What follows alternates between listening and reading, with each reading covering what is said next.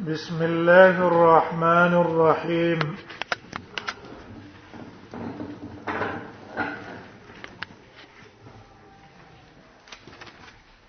مسله د مسې ذکر کوله عبد الله ابن زید روایت کوي چې ان رسول الله صلی الله علیه وسلم مسح راسه بيده وی نبی صلی الله علیه وسلم مسک خپل سر به یده په لاسونو خپلو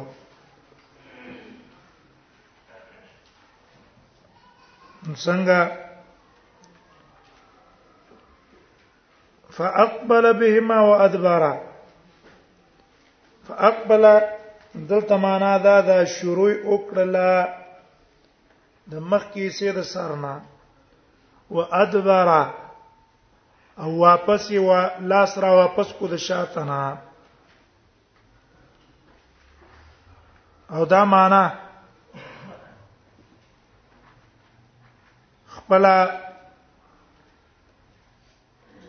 په دا کې نقل لا راوی د دې تفسیر کړه ده راوی څه کړه ده هغه تفسیر کړه ده چې بدا د تفسیر شو بدا به مقدم راسه شروع وکړه مخکې طرف ته سرنا ثم ذهب بهما الى قفاه او به دا دوانه لاسونه بوت لسټ طرف ته به ګوره درې کیفیتونه دي یو کیفیت د مسیدا ده چې مخ کې سر باندې لاس کېره شاته لاړ شي او به ته لاسونه د شاته نه واپس کې مخ ته راول دا فاقبل بهما وادبر چې دا تفسیری راوی کړی دی دویم قول هغه چا په ظاهر د حدیث باندې قول کړی دی او د راوی تفسیر ته نه دی کته دی لکه دا د بحینا او نور بعض علماونو دا نقل ده هغه نه فاقبل معنا دا ده چې د شاتنه لاس راوستو کومه طرف ته مخه ته او ادبر به بوت لو شا طرف ته وې شاته بلاس دی مخه ته برازي او د مخه نه به ته شاته زی لیکن علما وايي چې دا سوء فهم ده دراوی ول اقبله دلته معنا څه ده راوی په خپل تفسیر کړه ده چې ثم ذهب بهما الى قفاه وی بویت له دا دوان څتا ثم ردهما حتى رجع الى المكان الذي بدا منه بیره واپس کو هغه ځای ته چې د کم ځای شروع کړه ثم غسل رجليه او به وینځل خپې خپلې درستی څه کړې بیا رستی خپې انځلې دي درېمه طریقه هغه دا ده چې دې منځ کې بلاس کې ده اقبل مخ ته به راوړي او به ته به شاته بوزه اقبل بهما وادبر حتى ثم ردهما الى المكان الذي بدا منه سمعنا دلته د لاس کې خوستو د سی وبوزي به به د سراواله شاته شاته نه به تک نسی تراواله دا طریقه د عبد الله ابن عمر نه نقل نه واغه طریقه بس په جواز کې ده خه طریقه هم دقه شو چې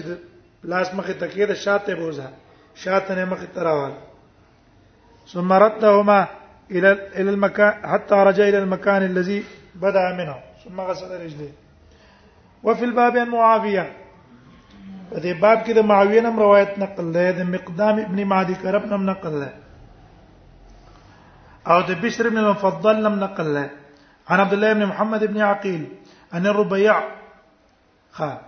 د دیو نم نقل له قال ابو عيسى واي د معاويه روایت د مقدام ابن معدي کرب د عاشر روایتونه د ابو داود کی راځي قال ابو عيسى حديث عبد الله ابن زيد اصح شيء في هذا الباب ابو خارم راوړه دې باب کې سی روایت ده واحسن او عملا په خلکو کړه وبه يقول الشافعي واحمد واسحاق په دې باندې امام شافعي امام احمد او اسحاق بن راهویم په قول کړه موافق د دې روایت څخه کړه ده قول کړه باب ما جاء انه يبدا بمؤخر الراس بعد بیان د دلیل هغه چا کې هغه وای چې يبدا بمؤخر الراس دا غوښتن صورت ذکر کوي کنه چې په سر باندې کې به شروع د کم ځای نه کوي د مؤخر راس نه لکه دا د بعضي علماونو دا قول نقل لې چې پاکي ابو ابو حیه هم ده ظاهر د حدیث باندې قول کړه انا ربيع بنت معاذ ابن افرا ان النبي صلى الله عليه وسلم مسح براسه مرتين وی نبی صلی الله علیه وسلم په سر دوه ځل مسح کړي دا دوه ځل مسح مستقله نه ده بلکې دا یو ځل بوتلل به ته واپس را وستل د دوه نه تعبیر په څه کړه ده مرتين کړه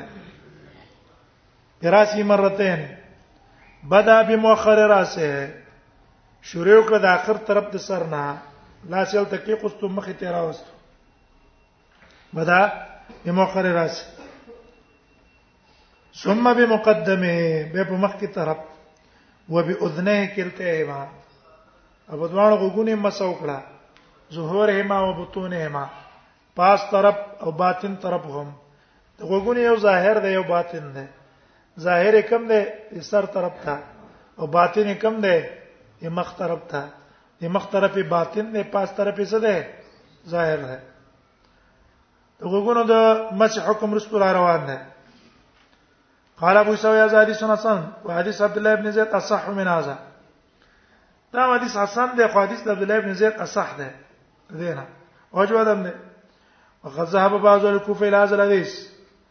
بعض کوفی والا دی حدیث باندې قول کړی چې پاکي وکی ابن جراح هم نه په کم ځینه به شروع کې په شاته نه به شروع کې مخې ته برازي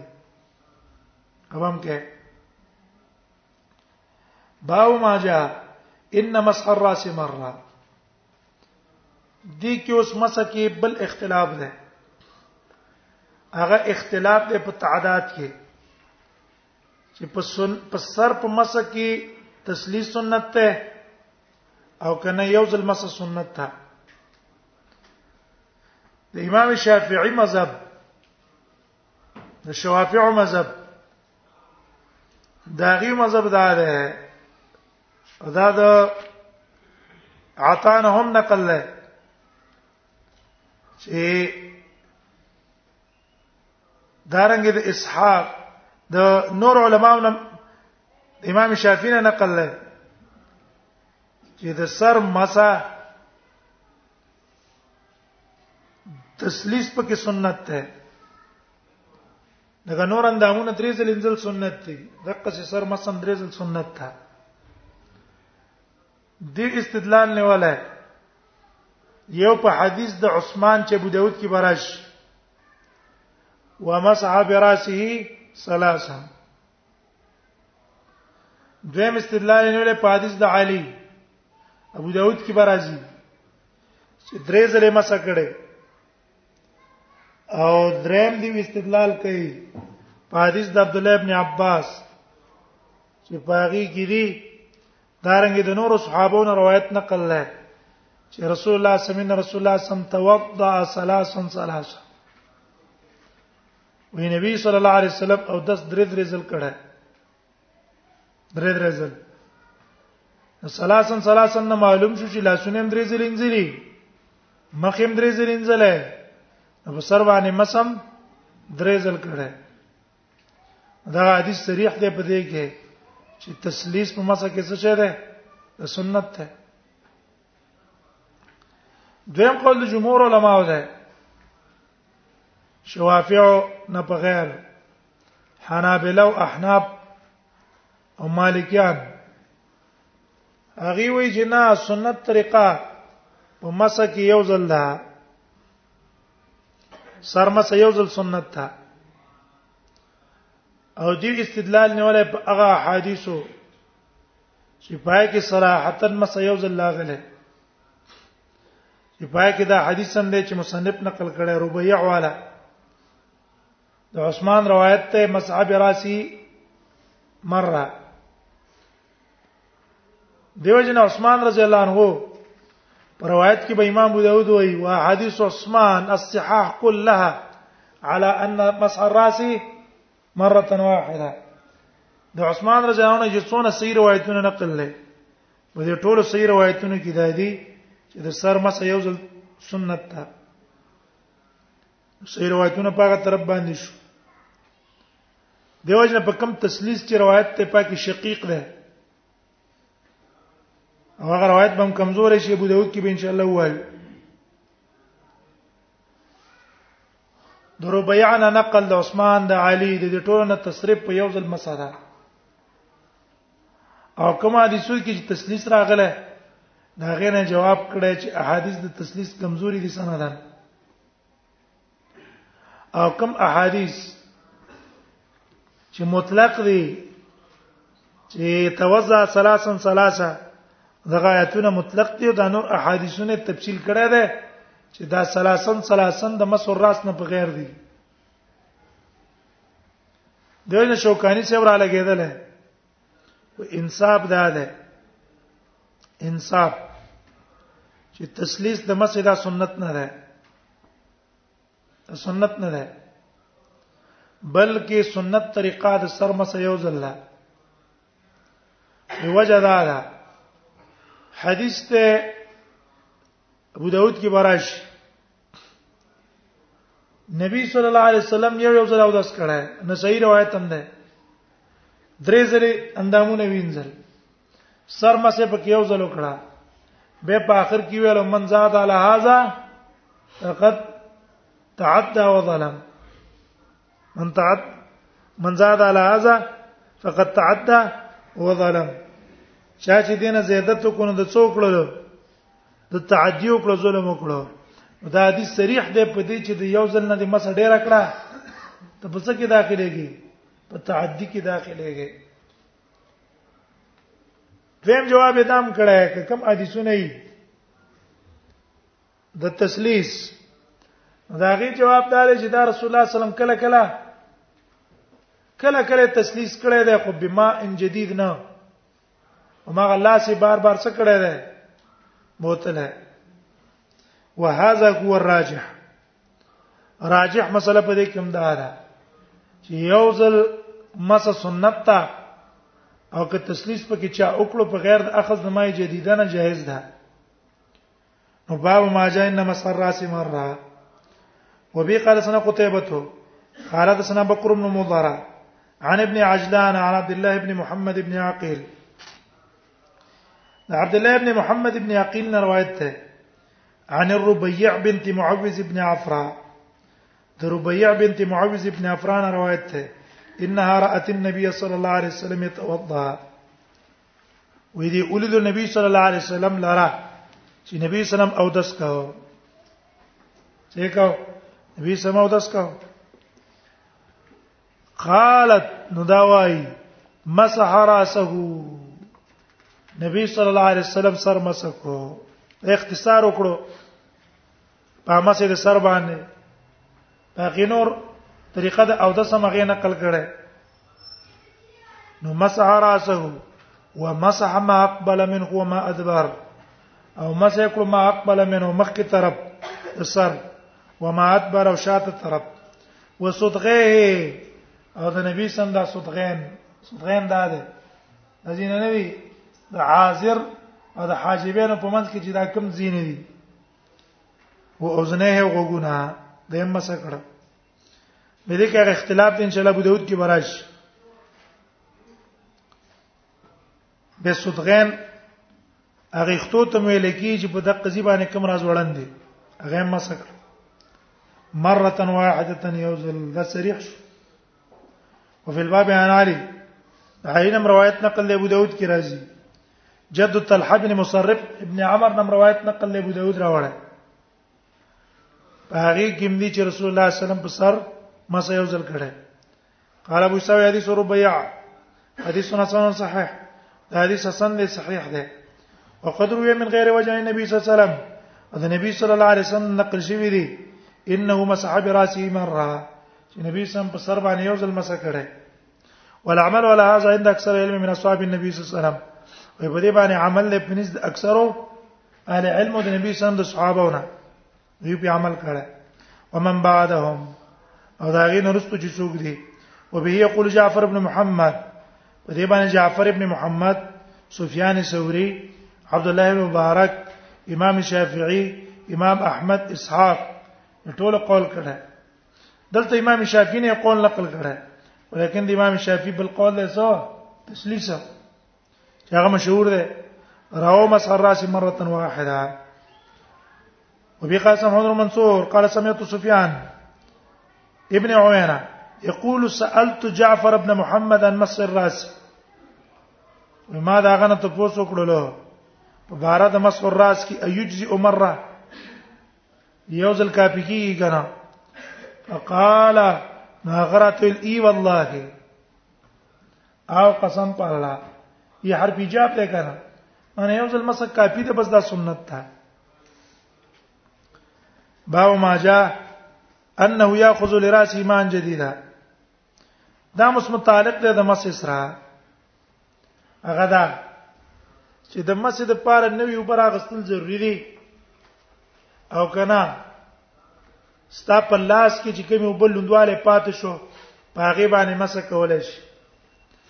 د جمهور علماو مذهب دا دی چې د سر د پاره په نوي وبراخله مسه د پاره بسکه نوي وبراله نوي وب او د احناب په نسبت باندې احناب دا غي په نسبت باندې نوی اوبر اغستل ضروری نه دی هغه وای کمه پاتې شوی اوبوي لاس دی وینځو او د لاس انځلو د وجنه لاس بوبو باندې لوند دی او په دې باندې سر مسو کړ جایز ده اوس دغه مسله ذکر کړي باو ما جان نو یاخذ الراس ایمان جديده وبي قاسم علي بن خشرم قال سن عبد الله بن وهب قال سن عمرو بن الحارث عن حبان بن واسع عن ابيه عن عبد الله بن زيد انه راى النبي صلى الله عليه وسلم بما نبي صلى الله عليه وسلم اريد له توضا ودسيكو وانه مسعى راسه ان غير فضل یده او مسه وکړه په اوبو غیر فضل یده چې نو پاتې شوی ده لاسونو نه لا لاسونو پاتې شوی وبنوي بلکې څه وي نوی وبوي قال ابو سوي هذا حديث حسن صحيح وروى ابن لهيعة هذا الحديث عن حبان بن واسع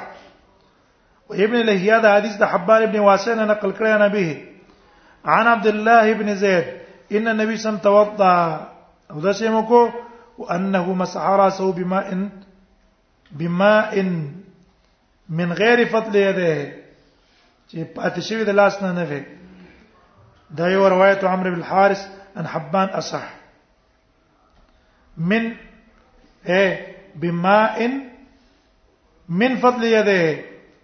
اے غبره ویل ده بما ان غبره من فضل یده غیر نه ده غبره ده ښا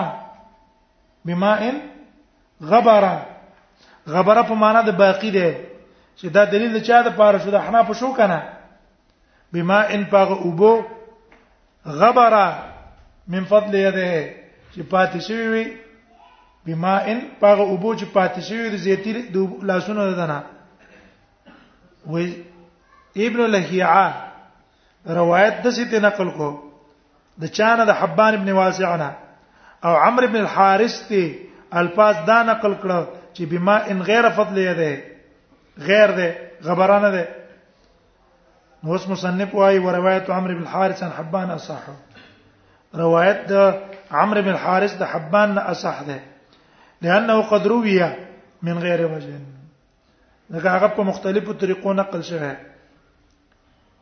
هذا الحديث عن عبد الله بن زيد وغيره ان النبي صلى الله عليه وسلم اخذ لراسه مان جديدا سر لنه يبر واغستله ولما لا هذا عند اكثر راو ان ياخذ لراسه مان جديدا نبي په بساده پر راخلی بس به کوله